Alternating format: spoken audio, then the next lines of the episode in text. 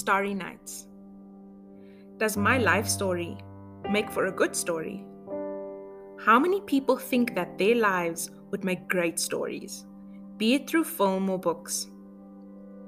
I wanted to live off the land once. It was a great idea. This is also one of the many concepts that are usually used in movies about people with mental illness. The loon that lives in the wild, battling society's institutions and rules.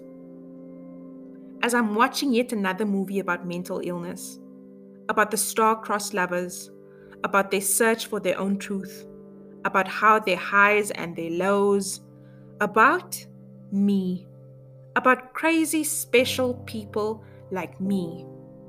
I am more than slightly upset because I see myself in these characters. Because I had these friendships with other disordered people I had these influences and inspirations. I saw these rhythms and patterns and codes, and it was beautiful and magical. God spoke to me in numbers and colors, and I never told anyone in raw detail because I would have been labeled as crazier than I was. Crazy. I was never crazy. I was too alive, too much light. Someone wrote the storyline and script to this amazing movie. Someone is getting paid big bucks for this, for what could have been my life. I envy these characters, and I understand them. Too bad they are fictional, and they don't have to deal with how, with how society would treat them outside of the 1 hour, 46 minutes, and 25 seconds spent on the silver screen. These movies anger me these actors get to portray the challenges that I face, my reality, and get paid so much money yet. Yet the entire world and society is telling me that I should be less like them, less award winning, and more like everyone else normal, functional. Understanding goes a long way.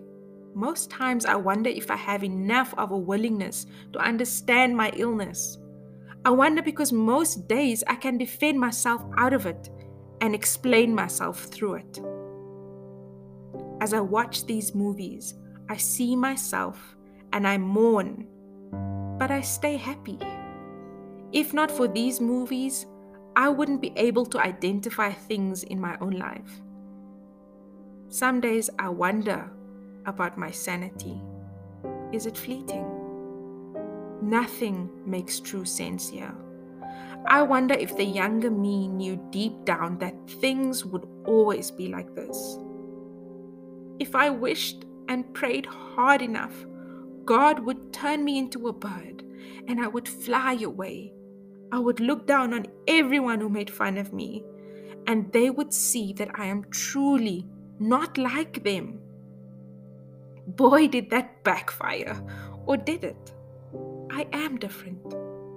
My medication reminds me every single day, yet victory was chosen when I decided to change my perspective about what the reminder was.